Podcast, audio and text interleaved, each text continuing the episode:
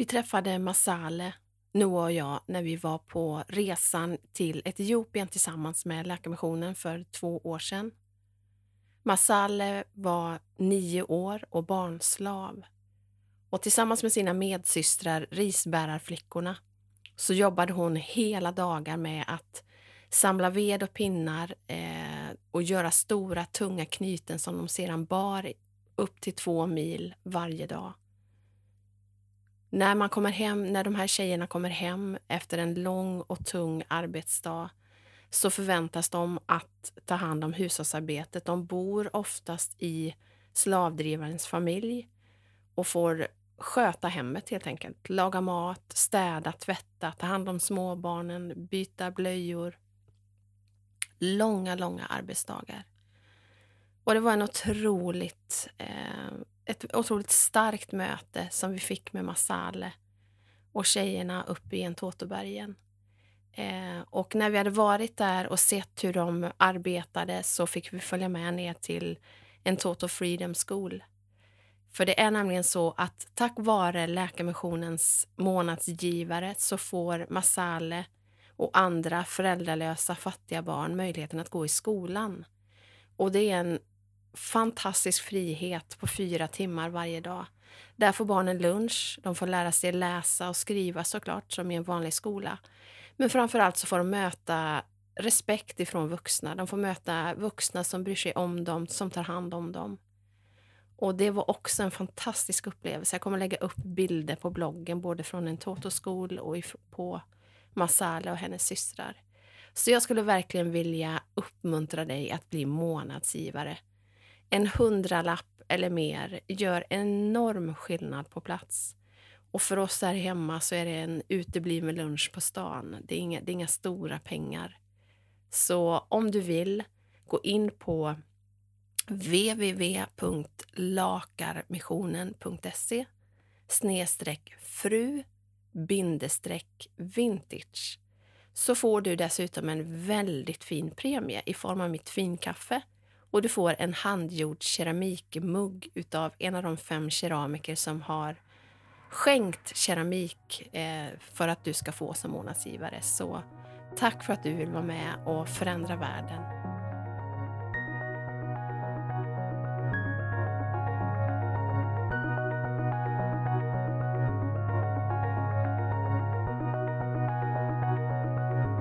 Ja, men eh, då har jag den stora äran att hälsa min eh, enfödde son tillika eh, fotograf Noah Agemo faktiskt välkommen tillbaka till 11 kaffe med Fru Vintage. Tack, för tredje gången.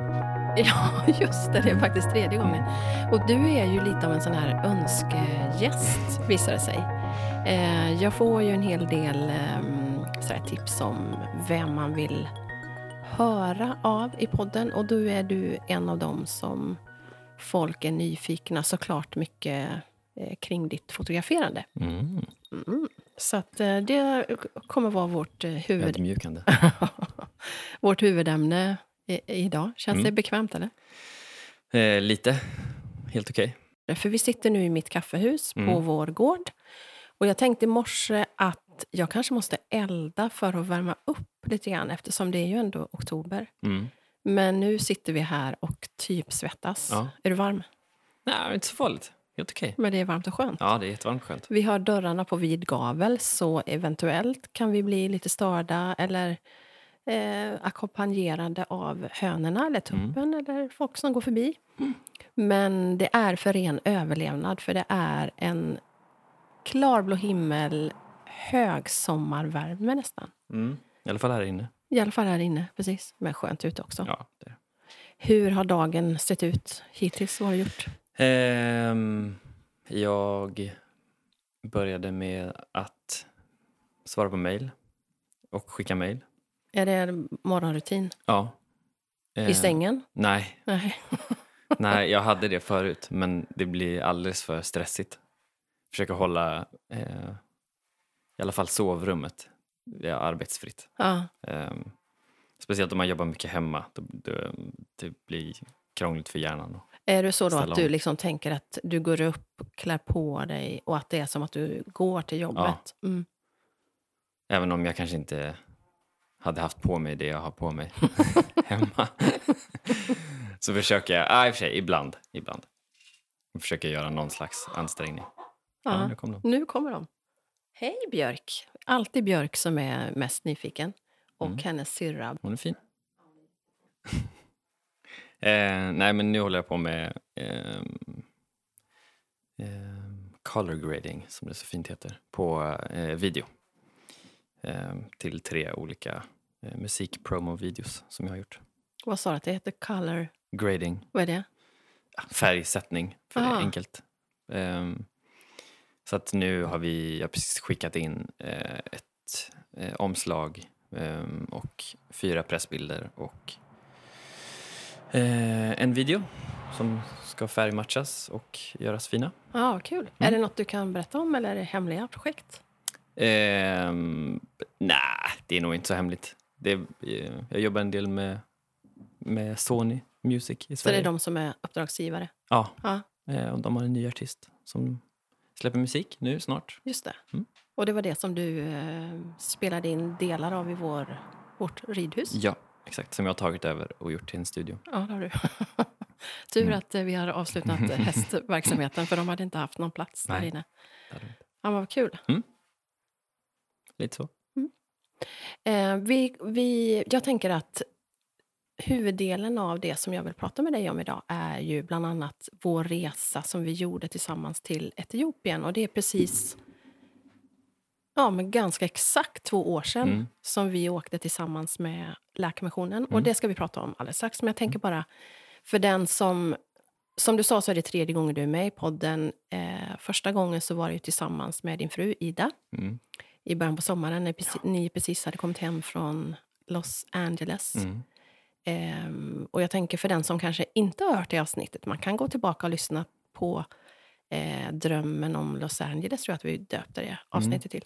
Men bara kort, eh, vad gjorde ni där och varför kom ni hem och hur ser det ut just nu? Ehm, vi, eh, Ida, min fru, pluggade till inredningsarkitekt ehm, på UCLA. Ehm, och jag jobbade som fotograf och regissör ibland.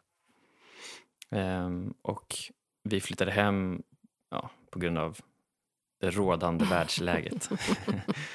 eh, och att Sverige är så mycket mer öppet. Och produktionen är fortfarande igång här. Och, eller ja, vi, de kommer alltid vara igång känns det som. Ja, verkligen. Till skillnad från USA där det är väldigt eh, vad säger man, restriktivt Ja. och avstängt. När ni kom hem där i början på sommaren så var ni ju nästan lite irriterade över Sveriges Ja. Vilket jag ibland kan känna, fortfarande. ja. Ja. Men eh, jag försöker i alla fall. Ehm, jag vet inte, det är svårt. Det, vi tänkte att det skulle vara jättemärkligt att komma hem. Vi har ju, var ju vana som sagt att eh, vara i, i riktig karantän, inte Ja. bara svensk.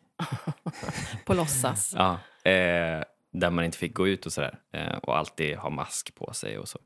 Så vi tänkte att vi skulle, att det skulle vara svårare att ställa om än vad det faktiskt var. För det gick väl kanske några timmar så var man van vid att inte ha mask på sig. Så var man svensk igen. Ja, eh, så det har varit skönt.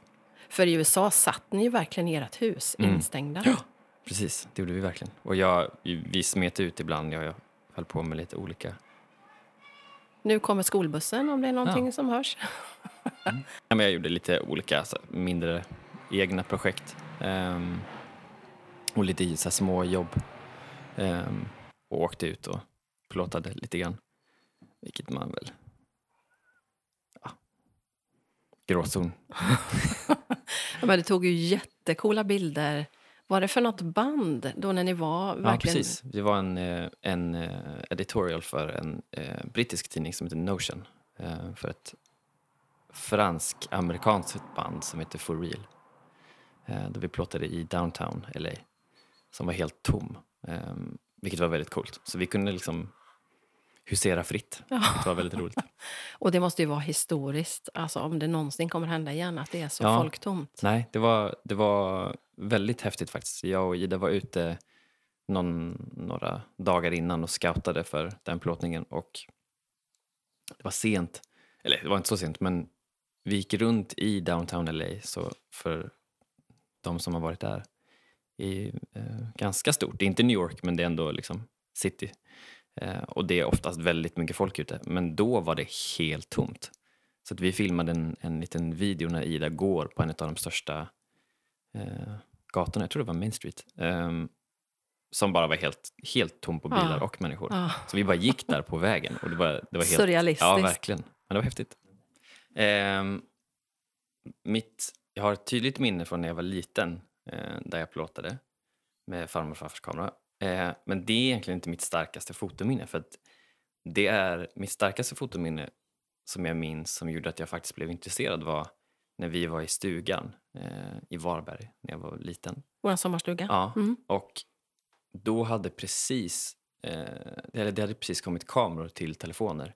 Och jag kommer ihåg att pappa hade en Nokia som man liksom fällde upp, sådär, drog upp. Och jag lånade den och gick ut och tog lite kort. För man kunde så här, det fanns liksom lite...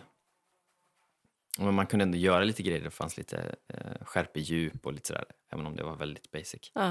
Men så tog jag lite bilder och så visade jag det till min dåvarande fotoidol eh, som också hette Noah. Eh, och han tyckte att det var ascoolt och var jätteimponerad. Eh, och då kände jag att wow, det här kanske jag... Det här kan bli något. ja, Hur gammal Eh. var du då? Ja, jag vet inte.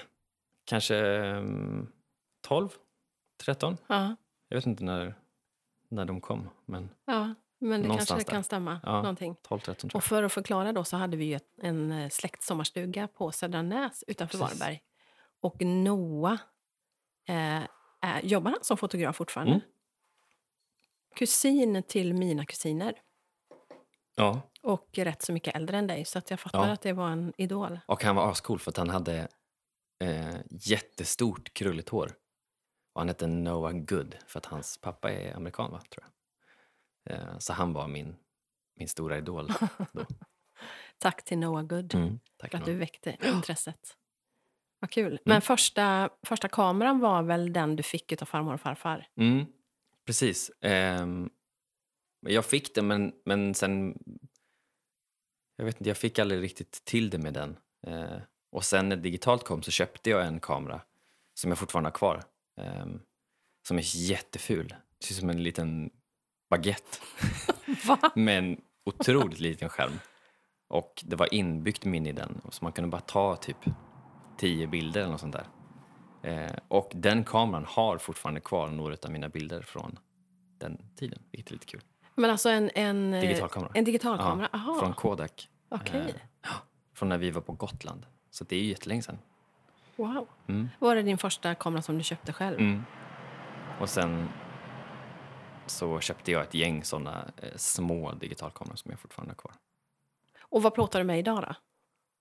Idag eh, plåtar jag med framför allt med en Leica M7 och lite optik till den. Eh, och sen Hasselblad H4X som har ett filmbakstycke. Ehm, Nu går nördarna igång här. Ja. Jag fattar ingenting, men okej. jag bara drar lite namn här. Ja, men det är. Eh, det är egentligen en digital kamera som jag har, eller Hasselblad har gjort det väldigt bra så att man kan använda både digitalt och film. För att man byter ut själva hjärnan till, eh, till kameran. Eh, och sen så ah, Canon 5D Mark 4. Säger du med en suck. Och det är den som är min Ja. stora kompis. ja, exakt. Eh, och sen ett gäng, jag har lite för mycket kameror, men och sen ett gäng sådana som jag bara har i olika väskor eller jackor och så, som bara ligger och väntar på att få bli använda. men idag så plåtar du ju nästan bara med på film, eller Mm. hur? Precis. Hur, hur? hur gick den eh, omställningen? Eller vad var det som fick dig att, att börja med det? Ehm, ja, jag plåtade när jag gick på gymnasiet, eller om det var innan gymnasiet, så hade vi lite sådana... ehm, man ska få testa på alla liksom, foto... Eh, säger man? Verktyg. För du gick ju ändå eh, fotoinriktat gymnasium. Ja, exakt. Jag gick fotoinriktat gymnasium. Och, men det som var så bes, min stora besvikelse över det är att det var bara jag i min klass som faktiskt var fotointresserad. Jaha. För att när man väljer, och jag fattade inte det då, men jag har förstått det eller jag förstod det sen senare, att de som valde foto var de som var trötta på skolan och bara kände att de ville göra något enkelt. Ja. Vilket i och för sig, jag var väl en av dem, men eh, jag var i alla fall intresserad och hade en riktig kamera. Ja. Eh, Och du gick ju, började ju ändå där för att du hade bestämt dig för att det är det Ja. här jag vill göra. Ja, absolut. Ehm, men i alla fall, så då fick vi pröva på och vi Eh, hade en dag i ett mörkerrum och då använde jag faktiskt den kameran som jag fick av farmor och farfar. Där så eh, insåg jag att man faktiskt fortfarande kan plåta film. Ehm, och sen så gjorde jag det lite grann eh, och tog massa bilder med massa olika film, men framkallade aldrig dem av någon anledning. Jag var på turné, så var det, med Daniel Adams-Ray och var i en fotobutik och bara såg lite så här engångskameror som var svartvita och bara tänkte att ah, men det är lite kul. Alltså det här är fyra år sedan. Ehm, ja, lite mer än fyra år sedan. Och tog med dem på turnén och plåtade lite och sen insåg jag att just det, men det här är ju faktiskt jätteroligt. Eh, och jag hade gjort det innan så jag, jag hade liksom lite eh, kunskapen kvar. Ehm, så då började jag bara ta mer och mer bilder på film eh, och insåg att det här är faktiskt något som jag tycker är mycket roligare. Jag hittade lite min eh, passion till det igen. Det finns en kamera som jag alltid velat ha som heter, det är en Leica, Leica M. Eh, men jag, de är så ofantligt dyra så jag hade aldrig råd att köpa en. Men nu så hade jag det och eh, köpte en.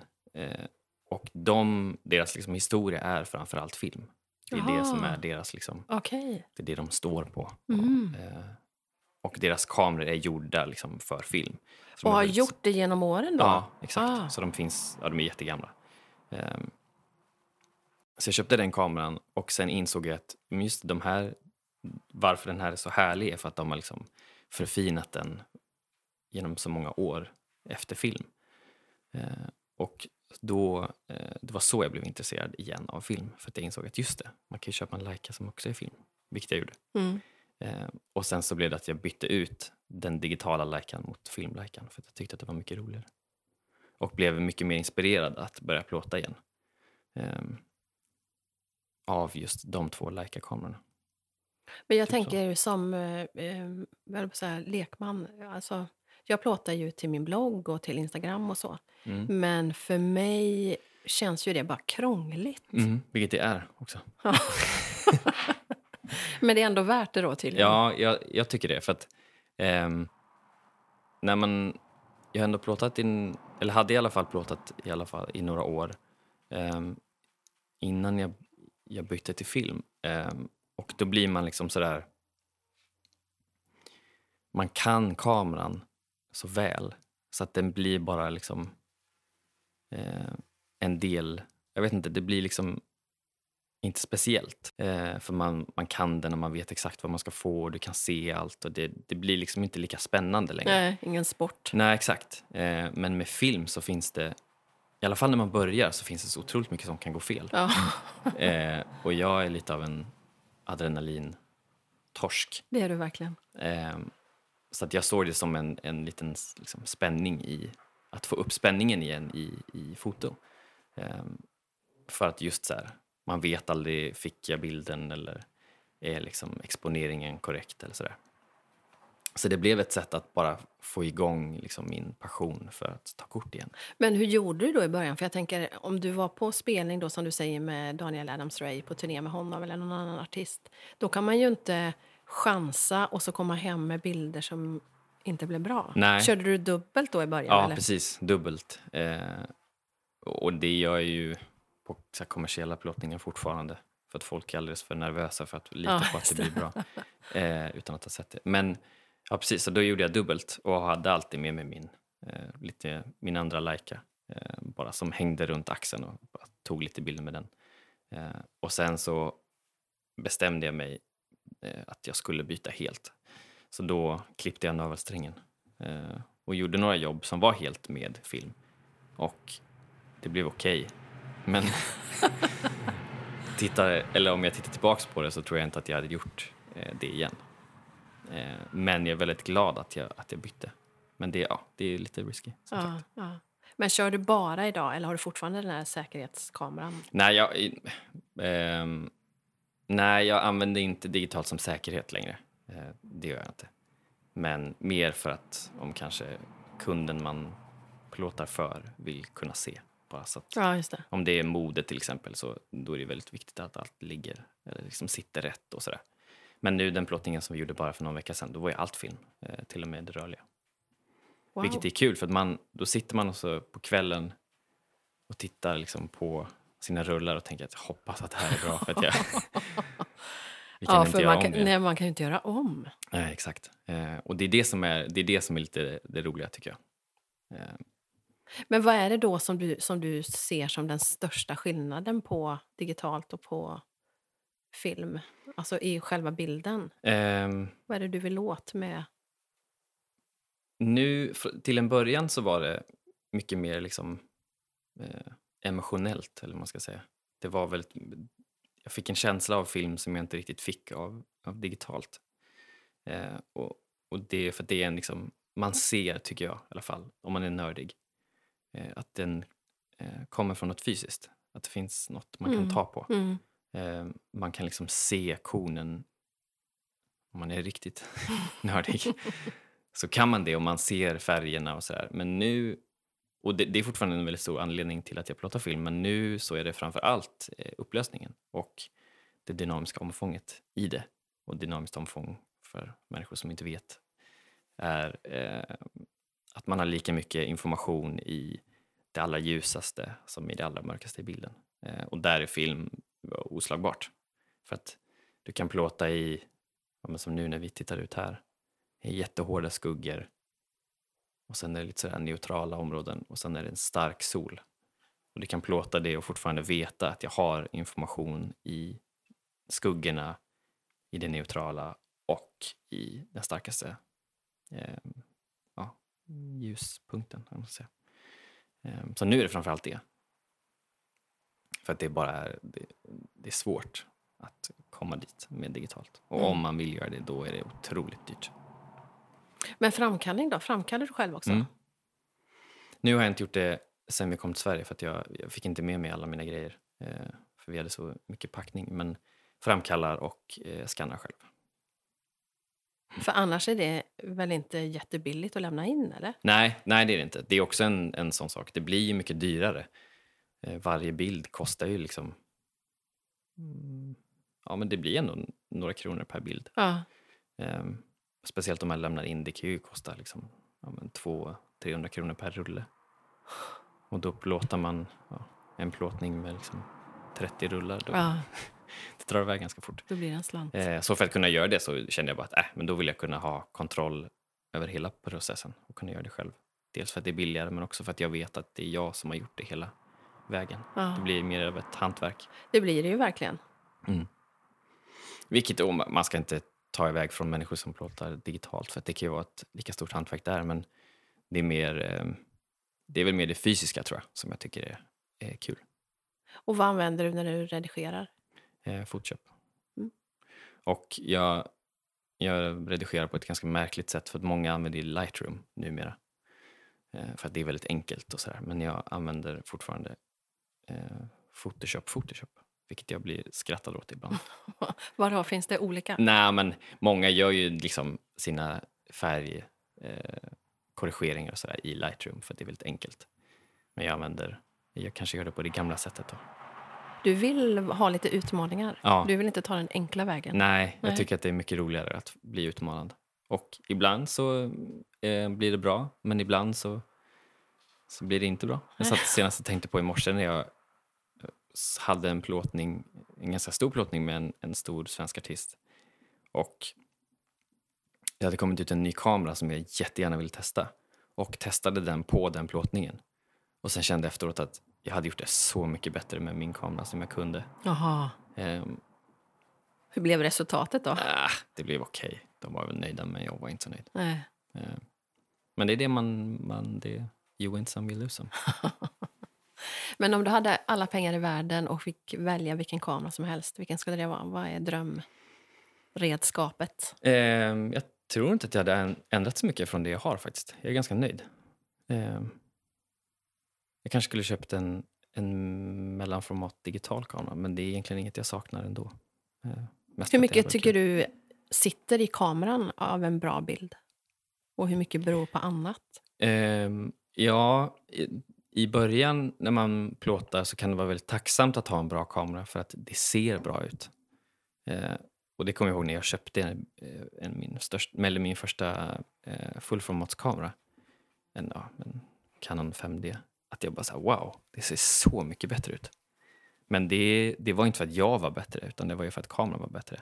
Så att i början hjälper det ju. Eh, och det kan ju säkert du vittna om att precis när man har köpt en väldigt bra kamera så man blir väldigt... Eh, eh, den inspirerar en att Ja, ta mer bilder för att Mm. man bara så här, wow, det här blir faktiskt bra. ja, precis. Eh, och sen så ju längre man kommer och ju mer man plåtar så tror jag att man lär sig mer kameran. Och ju mer då man kan, desto mindre spelar kameran roll. Ja, ja. Jag vet ju när jag hade köpt min kamera precis så åkte jag på en workshop eh, en hel dag och kom hem och tänkte att wow, Mm. vilka bilder jag har fått. Och så kom jag hem, och då hade jag inte lärt mig kameran, jag hade inte ansträngt mig. Eh, det tog ganska lång tid innan jag lärde mig, det vet ju du. Mm. Inställningar och, och sådär. Men jag kommer hem och eh, det är knappt en enda bild som Mm. inte är suddig. Mm. Eh, så det gör man ju inte om. Nej, och jag kommer ihåg vad det var tror jag. Det var manuellt inställt på eh, objektivet. Ja, men precis. Mm. och det hade jag ingen aning om. Jag, hade, jag visste jag satte på den, men inte mer. Mm. Men det gör du ju aldrig om då. Det gör jag inte. Så jag är glad att det inte var någon kund, utan det var bara för Mm. min egen, eget eh, stora nöje. Mm. Men du, eh, du har ju plåtat på eh, väldigt många olika sätt, eller haft säsonger av... Du började med bröllop, Mm. var väldigt inne på det. Mm. Eh, och ett tag, det kanske du fortfarande gör, men du plåtade väldigt mycket street Ja. photography. Exakt. Eh, har du något, mm, något fotominne sådär, alltså något som du kan dela med dig av? Ja, ehm, jag kan ta ett från bröllop. Eh, det var att jag där också hade testat, ville testa en ny grej. För att jag började tröttna lite på att plåta bröllop. Eh, och testade ett nytt objektiv. Och det blev helt fruktansvärt. för att jag tror att jag också, jag litade lite för mycket på min liksom, talang och gjorde inte riktigt jobbet. Eh, och bara tänkte att nej, men jag har inte förberett mig så mycket, men det löser sig. Men det gjorde verkligen inte det.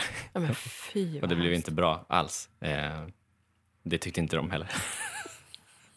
Så de fick göra om sitt bröllop, eller vadå? Nej, det bara blev...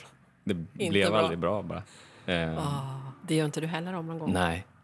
Eh, så det, det är ett starkt minne och det är bra för det, det, det lär man sig av. Men sen när det kommer till street så har jag... Det är väldigt kul för att det beror lite på i och för sig hur man plåtar för att man kan antingen vara eh, flugan på väggen eller säger man, flugan i smeten i hur man plåtar. Att antingen så, liksom, så är du bara där och observerar och vill egentligen inte synas. Eller så är du engagerad och liksom pratar med dem du vill plåta och sådär. Om vi då kanske ska tillägga för den som inte har en aning om vad street photography är för något. Mm. Ehm, det är väl framför allt, ja, det är väl ganska ehm, betyder vad det betyder så att säga. Det är ju att plåta på gatan framför allt. Eh, och eh, fånga liksom scener och eh, ljus eller ta porträtt på människor och sådär. Ehm, ja, är det en bra förklaring? Ja, tycker jag. Eh, nej men, så att, och jag har gjort det lite olika. Så att på, jag har ett väldigt starkt minne från när jag var flugan i smeten. eh, och att jag var ute en dag och eh, plåtade och bara gick runt på Regeringsgatan tror jag. Och sen så såg jag en, en väldigt, eh, eller en farbror som hade ett väldigt intressant utseende. Han var ganska, han var ganska vacker. Eh, han hade väldigt fint hår, så här vitt fast liksom sådär lite silvrigt. Alltså en gammal man. Ja. Mm. ehm, och ehm, ja, men ändå ganska fint skägg. Men han var uteliggare. Eh, så jag bara satte mig och han satt och drack eh, vitt vin. Och klockan var sådär 11, 10 på förmiddagen. Så jag bara satte mig bredvid honom, eh, kanske två meter bort. Och tänkte att ja, men jag sitter här lite tills att han kanske undrar varför jag sitter där. Satt han på gatan då? Nej, han satt på sidan av NK. Där liksom på Regeringsgatan så finns det en liten sådär fönsterkarmar. Typ. Ja, just det. Mm. Så han satt där. Eh, och bara så här, hade ganska skön stund med sig själv och sitt vin. Eh, så jag satte mig lite längre bort och, och bara satt där kanske i en halvtimme. Eh, tills att jag tittade på honom och bara sa någonting. Och sen så började vi prata lite och sen så flyttade jag lite närmare och sådär. Eh, och sen satt vi och pratade ja, men ganska länge och han berättade att han satt och drack vitt vin eh, blandat med matolja för att man blir både berusad och mätt av det. Men Kjell. Eh, vilket, ja, det är en väldigt rolig historia men det är också väldigt sorgligt. Ja. Eh, och liksom man får en väldigt, det blir lite som ett slag i ansiktet i verkligheten som man själv lever och de lever. Eh, eller han. Eh, så vi bara satt och pratade lite där och han, han berättade hur man gör när man, ja, för att man ska bli liksom så mätt och påverkad som möjligt. Jag fick lite tips och tricks till, mina, till mig själv. Eh, nej, men så satt vi där och pratade och sen så frågade jag bara om jag fick ta ett kort på honom. Och då var han väldigt eh, liksom inbjudande och tyckte att det var väldigt kul för att vi hade suttit och pratat eh, ja, men ganska länge. Eh, så då fick jag några bilder på honom som blev väldigt fina. Eh, så det är ett starkt minne. Ehm, Hade du fått dem tror du om du inte hade frågat? Nej. Eller om du inte hade pratat med honom nej, först? det tror jag inte. Nej. Och sen ibland så kan det vara så att man, man ser någon som ser väldigt intressant ut. Som har ett häftigt, det behöver inte vara en person som är liksom utsatt utan bara vem som helst. Och börja prata med dem men sen inser att nej, jag vill inte ta ett kort. Eh, Så det har också hänt. Har suttit och pratat och sen bara okej. För att du inte vill förstöra stunden? Eller för att det blev... att, eller för att man känner att man kanske utnyttjar personen Ja, som kanske är i en lägre position än vad man själv är i eller har sagt någonting som man bara säger nej. Inte, Det passar inte nej, helt enkelt. Nej. Man vill inte utnyttja den personen på det sättet. Nej. Eh, och därför tycker jag att det kan vara väldigt bra att prata med människor, speciellt om det är människor som är mer utsatta än en själv. För att det, det var väl en tid där eh, gatufotografering var väldigt sådär exploaterande. Att man bara tog kort på människors misär och sen så stack man därifrån Ja. så blev det en häftig bild. Får man göra det idag? Jag tänker på GDPR och... Ja, ehm, man får ju... Det är ju lite... Jag vet inte, Gråzon. ja, precis. För att du får ju fotografera på allmän plats. Och människor som är med på allmän plats. Ehm, sen vet jag inte hur det blir om man... Du får inte sälja den bilden då kanske. Eller sådär. Jag, jag, vi hade massa sådana kurser i skolan men nu har det ändrats så mycket. Ja, så jag, jag har inte hunnit ha koll på det. Eh, men det var ett fint minne faktiskt. Ehm, fantastiskt. Det blir ändå ett möte med människor. Ja, precis. Om man, om man vill det. Ja, Annars det. kan man ju bara, liksom, som jag har plåtat mycket på tunnelbanan. Eh, och ehm, då har det ju varit att vara, försöka vara flugan på väggen. Att plåta liksom, människor i deras hemgång eller på väg till jobbet eller bara lunchrast och sådär. Mm. Ehm, och det är väldigt intressant. Ehm, men då, då är det ju bara en bild och då sen får man liksom sätta sin uppfattning om personen efteråt. Men hur tänker du när du tar... Har du liksom... Har du något, eh, något mål med dina bilder? Eller vad vill du med, med din fotokonst, om man nu använder det ordet? Ehm, ja, när det kommer till gatufotografering så är, är det framför allt det är någon slags förlängd arm av ett redan existerande intresse. Att liksom titta på människor. Jag tycker det är väldigt intressant. Mm. Att bara liksom eh, studera människor från håll är, är otroligt intressant, tycker jag. På ett sätt som inte är liksom obehagligt. eh, så att det blev någon slags eh, förlängning på det. Att bara så här, studera människor och försöka fånga människor i eh, där de inte vet att de blir fångade. Och det är ju du verkligen proffs på, det Mm, här tack. att ta bilderna utan att man har en aning om att du gör det. Ja, jag, jag, Är det en sport, eller? ja lite. Ja. Och det, det är väldigt kul. Och man kan få väldigt fina bilder eh, ifrån det. Eh, Men med tanke på att så många av de bilderna blir så otroligt bra, då har du total koll på eh, inställningen på kameran och, och du vet att det ja, och det, det är väl det som är eh, kanske det svåra med just gatufotografering om, eller konserter eller allt där man behöver fånga liksom en snabb, ett snabbt moment är ju att man behöver ju verkligen kunna det tekniska. Mm. För att ja, det är omöjligt annars. För att annars så kommer du sitta och liksom tänka på inställningar och hur ser ljuset ut eller vad är jag för bländare eller vad för ISO och så missar du stunden. Men och jag tror att man gör det bäst när man verkligen kan sin kamera. Mm. När den bara blir, det blir bara en liksom, muskelminne och du vet exakt att ja, men när den är här då kommer det se ut så här. Och, ja. Så det krävs ju lite teknisk kunskap för att kunna göra det. Verkligen. Eller det krävs inte, man kan säkert göra det med automat men det är ju väldigt mycket enklare. Ja. man kan. Ja. Vad, vad tycker du, eh, vad gör en bra bild? Vad är en bra bild för dig? Ehm, det är väl kanske två saker som jag tycker är absolut viktigast. I alla fall i mina egna bilder. Eh, och det är ljus och komposition. Ehm, eller komposition, ljus i, dem, i den ordningen. Även om de är väl lika viktiga för mig. Eh, men jag, jag tycker att det är väldigt liksom, eh, irriterande när någon har tagit en bild och om de bara hade flyttat lite till vänster. Eller om de Ja, ja, hade det är det du menar med satt- komposition. Ja, att man Mm. liksom att man eh, framar sin bild. Så att det blir så att ögonen direkt leds dit fotografen vill. Eh, att, eller vad fotografen vill belysa. Ehm, det är väldigt viktigt tycker jag. Och sen Mm. ljus ehm, är ju viktigt för att man kan bli väldigt eh, tagen från liksom, stunden om du ser någonting som inte känns riktigt eller om det är liksom en bild på en artist som, inte, som är ljusat på ett sätt som man bara känner att det där är inte... Jag vet inte, det blir... Om inte det är tanken. Men eh, jag vet inte, jag vill gärna bli helt liksom såld i bilden och Mm. inte ha några liksom...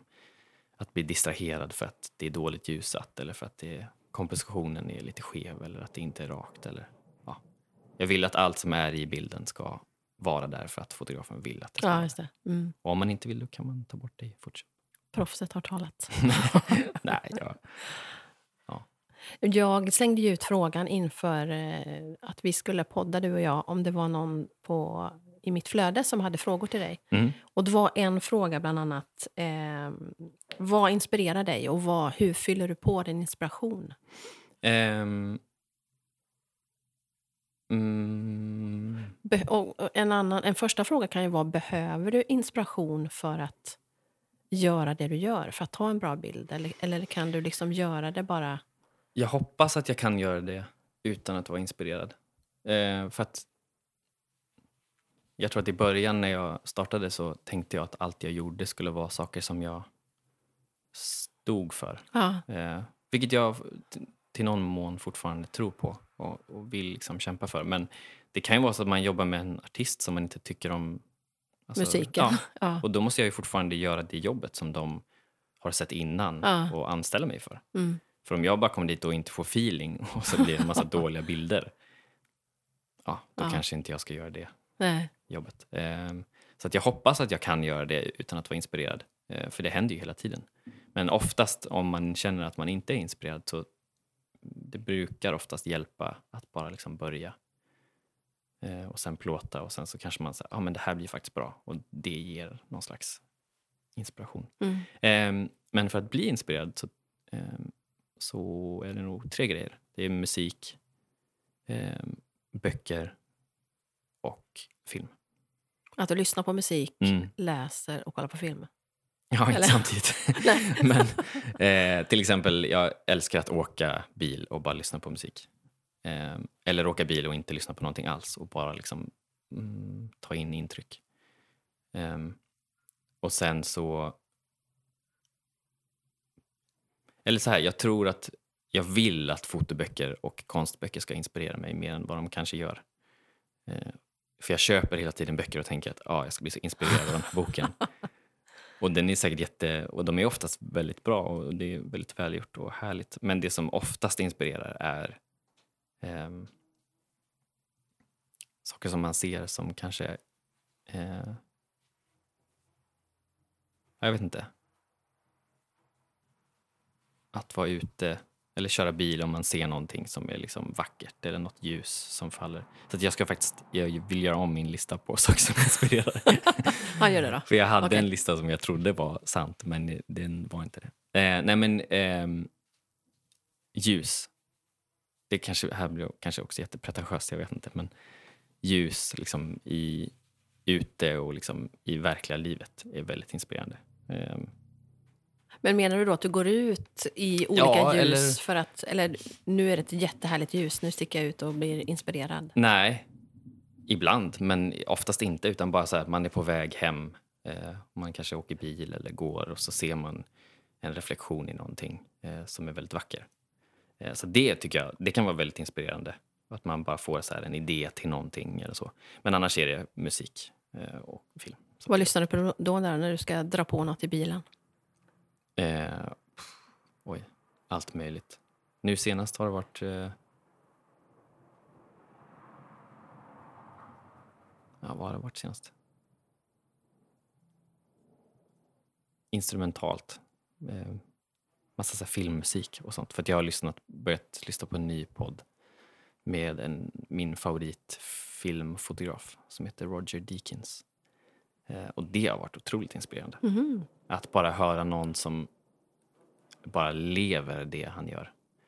Eh, och är så liksom tekniskt kunnig att han bara kan... Jag vet inte, det bara, det bara finns i honom på något sätt. Och det är otroligt inspirerande. Så att jag...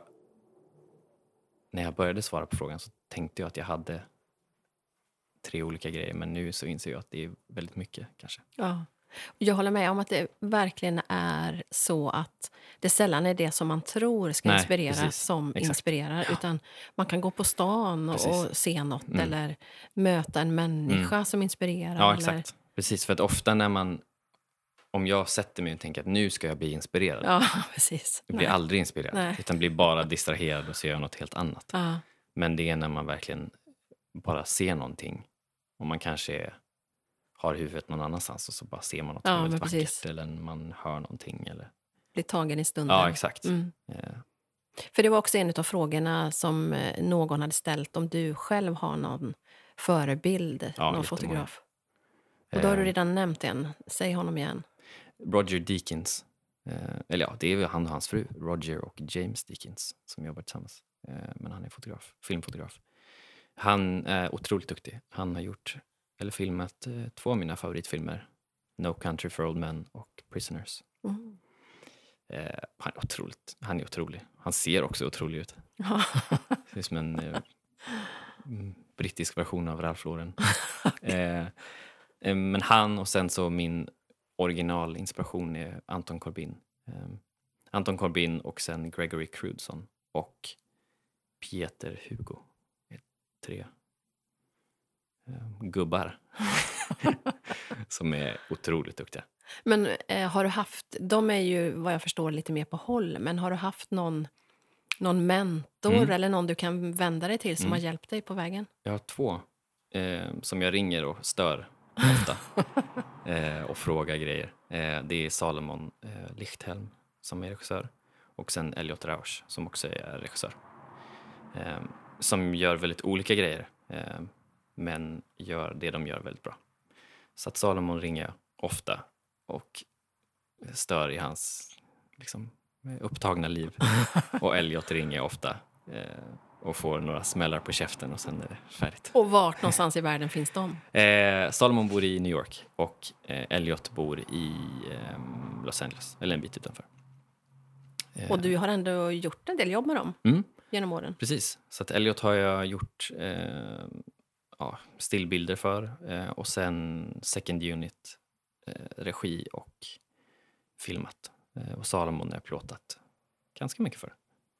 Ehm, så att de är, det är två som jag verkligen är otroligt inspirerad av och eh, skriker på hjälp från ofta.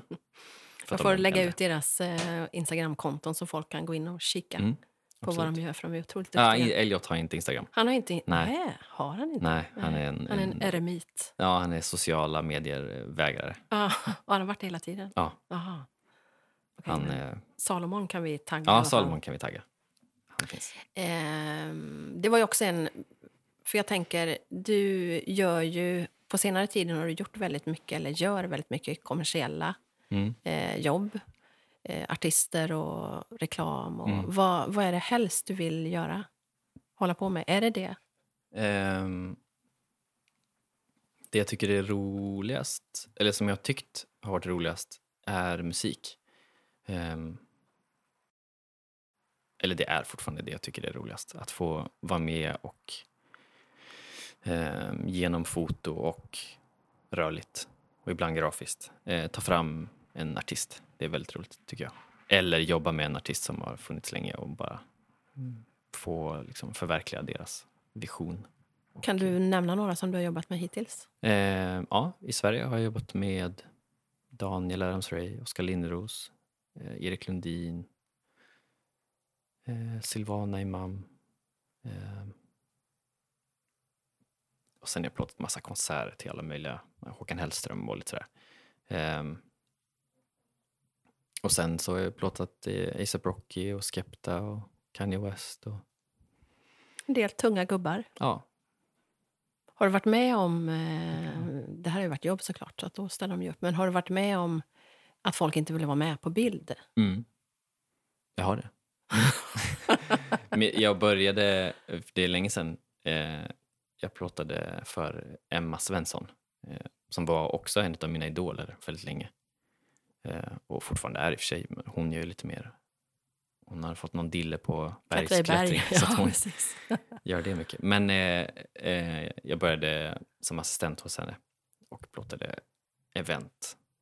Och så var det en väldigt, jag vet inte om jag ska nämna hennes namn, men den kanske största svenska, Internationella... ja, som fortfarande lever, Ja. kan man väl säga eh, hon är otroligt stor eh, och har varit det väldigt länge. Men jag gick fram till henne och hennes otroligt coola kompisgäng eh, på mitt första event som jag plåtade som en konstutställning och frågade om jag fick ta ett kort på dem. Och då tittade de bara på mig och bara, nej, vi vill inte vara med. och då fick jag liksom snopet gå därifrån och sen gå förbi dem hela eventet och bara möta deras. Men då var du ändå där på blickar. uppdrag av Emma. Att Ja, du skulle ta exakt. bilder på folket som var där. Mm. Och det var event, vilket är min absolut minst favoritsyssla när det kommer till foto. Mhm. Var det det redan då? Ja, jag insåg det på det eventet att det här vill jag, om jag inte måste, aldrig göra igen. Nej. För att jag är otroligt dålig på det. Eh, För det är också en konstig Ja, sak. men verkligen. Men eh, då kan jag osökt komma in på en annan följarfråga som lyder... För nu har du jobbat eh, både i Sverige och mycket i USA och runt om i Europa. Mm. Vad är skillnaden, skulle du säga, att göra plåtningsjobb i Sverige och göra det i USA till exempel? Eller? Ehm, Den största, mest uppenbara skillnaden är väl att det finns otroligt mycket mer pengar i produktioner i, i USA. Ja. Vilket gör att de blir ju så mycket större.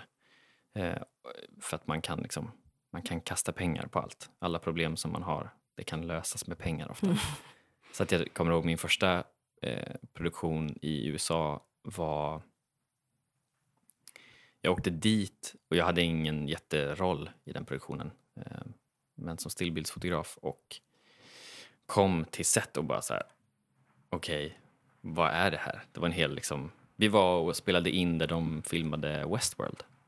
Om folk har sett den serien. Men det är en så här uh, movie ranch, så det är en jättestor, gigantisk ranch ute i någon slags, uh, inte öken, men det är väldigt sådär steppigt. Eh, och där skulle vi spela in en reklam med eh, okay, jag vet inte om jag kan säga namn. Det spelar väl ingen roll, va? Nej, det, spel, det blev inte av. Så eh, med en... Nej, men då kanske jag inte kan säga namn för sig. För hon dissade oss. Inte. En världens största artist, i alla fall. Kvinnlig artist.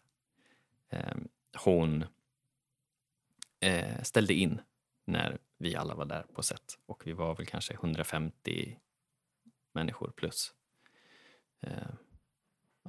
Ja. Och det var en otroligt bisarr upplevelse. Och skulle, ni skulle alltså eh, spela in någon video då med Ja, henne? vi skulle eller? spela in, eller ehm, de skulle spela in en reklamfilm och ta stillbilder för eh, ett jättestort märke.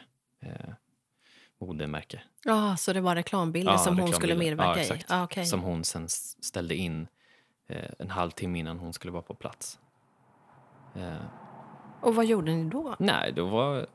Jag stod i...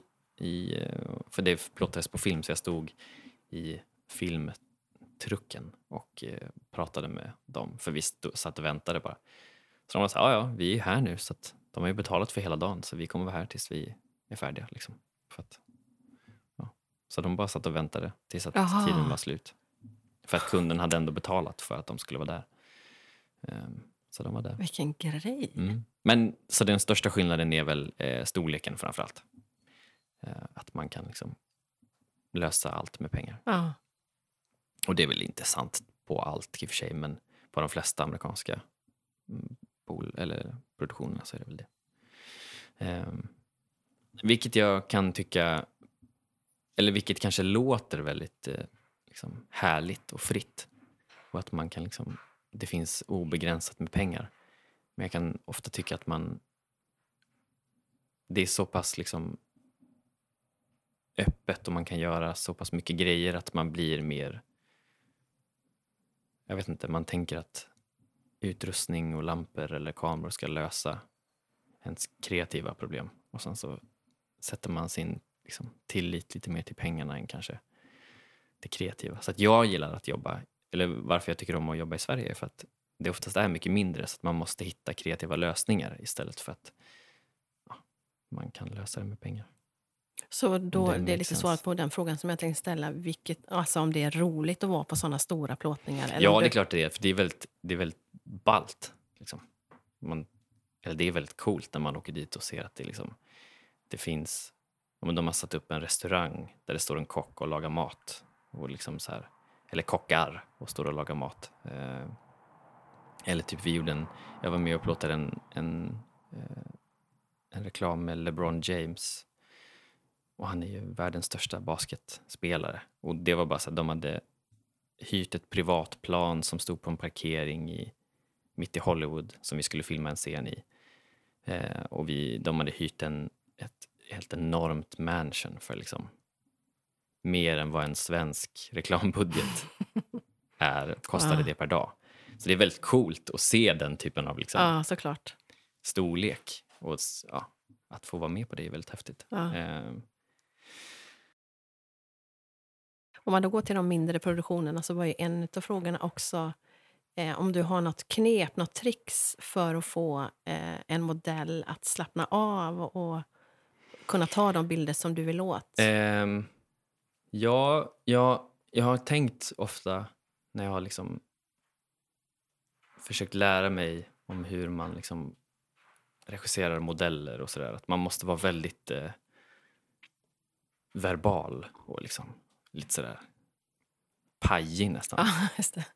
Eh, men jag har insett att jag, man måste inte det för att man kan antingen vara det och det funkar säkert för många men jag är inte sån som person riktigt. I alla fall inte med människor jag inte känner.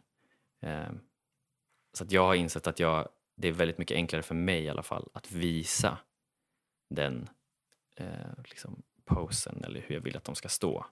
Så att jag brukar ofta stå och inte säga någonting och modellen står framför mig eller artisten eller sådär och så brukar jag liksom göra en pose som kanske på mig ser helt liksom, bisarr ut. Men, men då brukar de ofta säga okej jag förstår vad du menar och sen så gör de en tolkning av det. Så att nu senast så var det någon så här, det var en soffa och, och modellen, eller artisten skulle ligga i soffan och liksom, ja, vi skulle ta ett kort. Då la jag mig i soffan och visade liksom exakt hur jag, och jag känner, man känner ju sig jättedum i alla fall i början, men sen så inser man att det, här, det är ganska effektivt. Då behöver jag inte säga så ah, men kan du inte du flytta din högra hand lite mer upp och sen tänker de att det är deras högra hand men jag menar Ja, så som jag ser det. Ja, Ja. Så blir det massa sådana där grejer. Så då har jag bara in, insett att det är väldigt mycket enklare att visa. Eh, och det funkar bra. Hittills. Det måste vara väldigt stor skillnad med olika, alltså hur vana folk Ja, är. det är det. För jag, jag vet ju bara med mig själv hur obekväm Mm. man är framför kameran. Mm. Men om man har det som jobb så... Ja, verkligen. Så det är ju väldigt, det är otroligt tacksamt att eh, fotografera modeller som är vana modeller. För att och det är också en, det är ganska farligt för att man, man eh, litar mer då på att de ska göra ett bra jobb för att man ser liksom, hur de står och så här, deras ansikte och bara så här, jag behöver inte göra något mer. Och du kan ta en bild och det ser asballt ut för att de är balla. Ja, just det. Men det, det är ju en lite mer utmaning för då måste man göra det liksom till sitt eget och inte bara lita på modellen. Men typ som med artister som är liksom nya artister som har en bild av vad en artist är kommer ofta till en plåtning och med liksom massa idéer i huvudet. Och så kanske inte det är egentligen vem de är. Och sen så liksom gör de poser eller liksom i ansiktet eller sådär som inte är dem. Så då är det en, en grej i sig att man ska försöka få dem att inse att så här, absolut, jag förstår att du har sett liksom, de här människorna vara på det här sättet, men vad är det, vem är du som artist? Och det är en väldigt rolig grej att så här, få vara med att och det har ju också såklart med att göra liksom hur bekväm personen framför, eller bakom och framför kameran är. Så man får, det tar ju lite tid innan man hittar det, liksom, den dansen med varandra. Att man blir så pass bekväm att modellen eller artisten vågar prova grejer eller bara så här, blir sig själv så pass mycket att de eh, också kan visa det på kameran. Så det handlar lite om att så här, dra fram och liksom lirka fram det som är personen bakom liksom, artisten kanske ofta. Jag kommer inte ihåg vad frågan var alls. Men jag... Inte jag heller, men det var ett bra svar. men eh, innan vi går vidare, eh, går det att säga att eh, det här var min bästa bild? Det här är den bästa bilden jag har tagit? Um, nej, det tror jag inte. För att man kanske tänker det i, när man precis har tagit den. Och sen så ser man den och så tänker man att det här är en otrolig bild. Och sen så går man tillbaks och så lever man med den ett tag och inser att äh, då var den så bra verkligen. eh, men jag, jag har ju såklart alltså, bilder som jag är väldigt stolt över. Berätta, ge något exempel. Eh, den bilden på Kanye West är väldigt bra tycker jag. Eh, den kan vi också lägga upp, även om vi har pratat kan, mycket ja, om vi honom. Mycket om det. Vi behöver inte prata mer om det. Men den är jag nöjd med för att... Um... Men handlar det också om då hur omöjlig den situationen var? Att du skulle få de där bilderna? Hur osannolikt det var? Eller ja. är det själva bilden? Ja, och Det är det som också är, är det svåra med att plåta människor som är otroligt kända. För att det är lite som att plåta en väldigt liksom, erfaren modell. Att så här, folk kommer att se direkt, ah, det är Kanye West. Och sen kommer man inte tänka på om det är en, en bra bild Nej, eller inte. Men så här, jag har visat så många gånger till typ men, de människorna som, är, som jag ser upp till. Nu är de tillbaka här med tanterna. Försök inte komma in där nu bakom grinden. Hon ser en lucka där hon skulle kunna tränga sig mm. in. Försök inte. Ja. Eh, nej men så här, om jag har visat en bild som jag tycker är cool för att det är en person som jag tycker är cool och så har jag visat den till någon som inte gillar den artisten person, ja, så här, och den mm. bara så här, men det där är inte en bra bild. jag bara så här, fast han är hur cool som helst på den här, eller hon är hur cool som helst.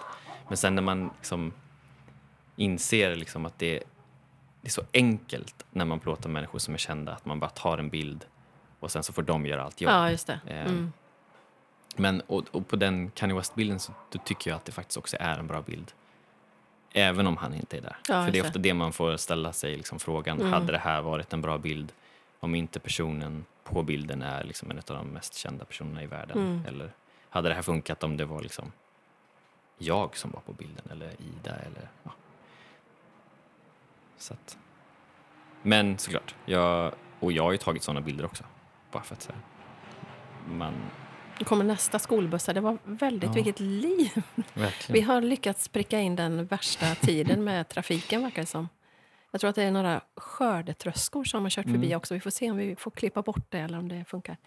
Men eh, Noah, om vi... Mm. Eh, jag tänker då hur, eh, hur stor skillnad det är att ta Eh, jag, jag, tänker om vi ska föra in samtalet på vår resa då till mm. Etiopien som vi gjorde. Eh, där vi å ena sidan har då det kommersiella med väldigt kända människor, eller det är reklambilder, mot att då eh, skulle vi ju plåta, eller du skulle plåta och jag skulle skriva Mm. om människor som lever i en väldig utsatthet. Eh, var, hade du gjort någon sån resa förut, eller någon, någon sån typ av bilder som du gjorde i Etiopien? Ehm, ja och nej. Jag och Ida har ju varit i Asien en del och jobbat där ehm, med att motverka human trafficking. Och det kan ni också lyssna på i Ja, precis. Förra poddavsnittet. Ehm, så att säga, jag, jag hade ju tagit den typen av bilder men när vi var där så var inte mitt mål och mitt fokus att ta kort utan jag bara hade min kamera med mig. Ja, när ni Ehm, var i Asien menar du? Ja, precis. Mm.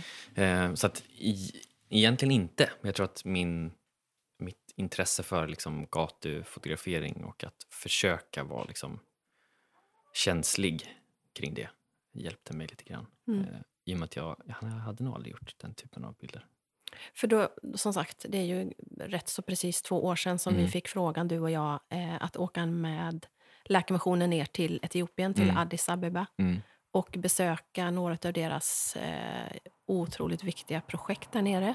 Mm. Eh, och du följer med som eh, fotograf och Mm. jag skulle blogga då om de olika människorna som vi mötte. Mm.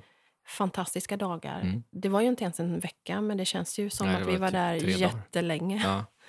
Eh, har du något eh, särskilt minne därifrån? Någon, någon som vi mötte eller någon bild du tog? Eller? Ehm, eller om vi börjar så här. mm. Eh, tänker du på något speciellt sätt när du tar den typen av bilder? Eh, för återigen så är det ju människor i en väldigt utsatt situation. Precis. Och jag tror att där handlar det jättemycket om vad det är man säljer. För nu skulle vi inte sälja, det var inte någon produkt och sådär, men man, man tar ju ändå bilder för att man vill förmedla någonting. Och vi gjorde ju det för att visa deras liksom otroliga arbete och sådär. Så jag tror att det, det, börjar tidigt med vad man kommer dit med för agenda. Mm. Man ska säga. Mm. Om man kommer dit med tanken att så här, nu ska vi visa hur liksom pissigt de har det här. Eller hur mycket bättre, eller så här, att man, man tar den eh, eh, vinkeln på det, eller man ska säga. Då tror jag att det blir, det blir bara fel. Om man ser igenom det väldigt tydligt. Eh, men när man kommer dit och Ja, för som du säger så var vi ju där för att visa hur stor skillnad eh, Läkarmissionen gör på Ja, plats. exakt. Eh, och målet var ju att fler skulle bli månadsgivare Mm. till Läkarmissionen. Så det gjorde ju att vi tog bilder som faktiskt visade hur mycket skillnad Ja, en hundralapp i månaden Precis. gör Ja, på exakt. plats. Och, ja, exakt, det var det jag, det var det jag letade efter. Ehm, Så det blir ju en, en typ av positiva bilder. Ja, exakt. Och det, och det är väl det man behöver liksom ställa frågan. Vad, varför vill vi ta de här bilderna? Vill vi visa på eh, att de här människorna verkligen behöver hjälp? Eller vill vi visa på hur mycket skillnad det kan göra med väldigt lite medel? Mm. Och det är ju två helt olika liksom, approacher Mm. till att ta bilder eller skriva. Ehm, så jag tror att vi åkte ju dit med inställningen att okej, men vi ska jag vet inte, visa i... För det, det var ju också väldigt viktigt att visa att det inte är några från Sverige som kommer dit och gör stor Nej, skillnad. precis. Utan det var ju väldigt viktigt att vi skulle visa att det är ju lokalt folk, Ja. lokala människor som faktiskt gör Som det gör stora. jobbet. Ja, Ja, exakt. men verkligen. eh, och hur vi kan vara med och bidra till det. Och det är en helt annan liksom, vinkel på Ja, det. verkligen. Eh, Jo, men då var vi ju eh, bland annat uppe i Entotobergen Mm. och mötte Masale och risbärarflickorna. mm, Vi var i Entoto Freedom School där eh, fattiga familjer, fattiga barn, eh, föräldralösa barn mycket, gatubarn får komma till skolan även om man inte har föräldrar som kan betala. mm, Vi var på Deborah House som är ett hem för tjejer och kvinnor som har blivit räddade ifrån gatan, ifrån prostitution och ett fruktansvärt destruktivt liv. mm, Vi var på Bright Star, var ju den organisationen som Läkarmissionen jobbar tillsammans med den lokala organisationen som har ett dagcenter mitt i Addis Abeba dit Mm. både barn och vuxna eh, från gatan kan komma och få ett mål mat. Man kan, eh, om man visar att man vill, vill få ett nytt liv så kan man också gå en frisörutbildning Mm. eller en utbildning till sömmerska. Är det något utav de här platserna eller någon, någon utav dem som vi mötte som gav ett extra, som satte sig liksom? Ehm, jag tror att när vi var uppe på berget med de väldigt unga flickorna som eh, samlade in ris, alltså träris, Ja. säger man, och bar dem sen. Det var, eh, det, var ett väldigt, det är ett väldigt starkt minne. Ehm, just för att det är en, en sån, jag vet inte, man förstår det inte riktigt Nej. även när man är där att människor som är så pass unga ska liksom göra den typen av arbete. Och d- ja, du prövade ju att lyfta en Ja. otroligt tungt. Ja.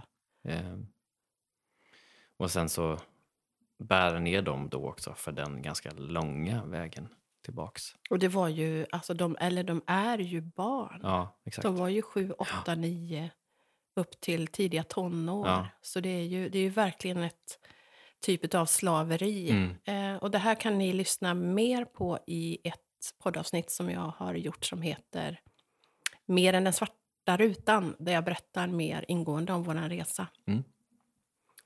Ehm, jag minns ju när vi åkte den här resan upp. Vi åkte i någon hemsk liten minibuss. Mm. Eller bussen var väl inte hemsk, men vägen Ja, var ju exakt. helt fruktansvärd. Och vanligtvis då så går ju de här flickorna hela vägen upp. Ja, Men den här morgonen så hade vi ju med oss några av dem i bilen. mm. Och bara det och se dem i den situationen, för de har ju säkert inte åkt bil, många Nej. av dem. Så en av dem blev ju så fruktansvärt åksjuk. ja exakt. Och så när vi kommer upp till berget och det var ju kallt och fuktigt och Mm. de hade ju nästan inga kläder på sig, Nej. alltså sommarkläder. Medan vi hade jackor och liksom Mm. var... De bilderna ska vi också lägga ut, ska jag lägga ut på bloggen, för de är ju otroligt talande. Mm. Eh, och även på resan där märkte jag ju så många gånger som jag sa Noah, kan du ta på det där? Kan du ta på henne? Mamma, jag har redan gjort det. så, och det, det, det blir ju, det syns ju verkligen i bilderna att, att det är ögonblicksbilder. Ja, jag hoppas det. Att du lyckas fånga. Men ehm, hur gör du? Alltså, eller gör du på något speciellt sätt? Eller upptäckte du något speciellt sätt att ta bilder på då? I den utsatta situationen som de ju faktiskt är. Ehm, det är, blir ju väldigt likt eh, gatufotografering på det sättet att man ja, försöker fånga en scen eller fånga en händelse som är liksom bara någon sekund eller en halv sekund. Ehm, och sen så blir det ju väldigt mycket, just i det här fallet blir ju efterarbetet mycket viktigare för att man vill ju vara väldigt tydlig med vad man eh, visar. Mm. Eh, så det blir ju en, det blir väldigt mycket viktigare att gå igenom bilderna och verkligen så här, okej, vad är det här för bild? Vad säger den? Människor som inte har någon kontext, vad kommer de tycka? Eller så här, vad kommer de se? Och, så där blir ju väldigt så här, man blir, får ju bli väldigt specifik och tänka väldigt långt. Eh, just för att man, de redan är så utsatta så är det ju väldigt sorgligt och tragiskt att utsätta dem mer. Ja, på något sätt. precis. Ehm, Så det blir ju väldigt viktigt, efterarbetet. Eh, Men sen så... Och där tror jag att jag har fått väldigt mycket gratis genom att vara ute och ta kort på, liksom, på gatan för att man, man lär sig väldigt... Man, kan, man lär sig att se en händelse innan den händer, tror jag. Mm. Man ser liksom, okej nu är det här på väg, okej men då om jag ställer mig, okej ljuset kommer därifrån och om jag ställer mig här då kommer hon eller han till slut ko- komma dit för att de är på väg och då kan man liksom förutspå lite vad som ska hända och försöka göra, ta en bra bild. Och sen blir det inte alltid bra, men ibland har ju turen att det blir det. Ehm, Jag tänker också i, i, eh, i de situationerna som vi var i där så fick jag hela tiden påminna mig om att vi är här av en anledning. Vi är, precis som du var inne på, inte här för att dokumentera hur eländigt Nej. människor har det, utan vi är faktiskt här för att hjälpa. Mm. Och de här bilderna kommer att hjälpa till. Mm. För det var ju ändå tillfällen när man känner att nej men, kan vi verkligen ta bild Mm. på det här? Kan vi Mm. verkligen ta bild på, på henne eller vad det nu var? Mm. Men att i alla fall jag själv fick hjälpa mig liksom att tänka att det här är viktiga bilder. Mm. Och det, det är ju en väldigt liksom... Det är en svår balansgång Mm. att gå på. För att man kan ju känna sig liksom... ehm, eller man känner ju sig väldigt felplacerad. Och, Verkligen. och då också försöka göra något slags liksom, journalistiskt arbete kring det är ju det är otroligt svårt. Mm. Och då var vi ju ändå, de var ju ändå medvetna om att vi Ja. skulle komma. Ja, de verkligen. visste varför vi var där. Eh, det är ju ännu värre, tänker jag, om man är ute på gatan och verkligen Ja, ska dokumentera människor i deras eh, vardagssituation utan att de vet om det. Och det är ju Mm. Ja. också en, tänker jag, en, eh, ett samtal som pågår eller en debatt eller vad man ska kalla det för. Eh, vad, man, vad man faktiskt kan ta bild på. Mm. Finns det tillfällen när, Mm. man, när man rent etiskt faktiskt inte kan? Mm. Ja, precis. Och, eller när man tänker att nej, men det här är fine, men sen när man ser bilden hemma sen inser att äh, nej, det, jag, det kanske inte är en så stor grej, men man känner att jag kan inte. Nej. Eh, Så jag menar, det händer ju också. Eh, Så, Sen var det väldigt speciellt, tycker jag, när vi åkte till Deborah House och mötte tjejerna där. För då vet jag att vi pratade, vi svenska gänget, om att, att vi var nervösa för vad vi skulle möta. För det var ju ändå Mm. tjejer som har levt ett Ja. väldigt tufft liv. Eh, och så kommer man dit och så är det bara en härlig kväll när de lagar mat till oss. Mm. ja, och- verkligen. Och det är något jag tycker att man, man inser eh, mer och mer ju mer man träffar människor som har varit med om väldigt så här, tuffa grejer eh, eller lever i väldigt hårda situationer. Att man, så här, man slås av det varje gång hur glada människor är och hur de ändå har lyckats hitta en, en glädje i livet på Ja. ett sätt som jag tror att jag själv inte hade gjort. Nej, precis. För det är ju samma som när vi var i, i Kambodja och sådär. Eh, och jobbade med de hemmen där som har hand om eh, om en trafficking-offer som är allt från liksom, tre år till 30. Och man bara märker att liksom, majoriteten är väldigt glada på ett sätt som jag, jag inte riktigt förstår. Jag. Nej, och, och många gånger en glädje som vi i västvärlden faktiskt saknar. Ja, exakt. Precis. För jag menar, det är klart att de kanske inombords har det väldigt tufft med det de har gått igenom, men jag tycker ändå att man kan se det i ögonen på Mm. något sätt. De... Ja, jag vet inte.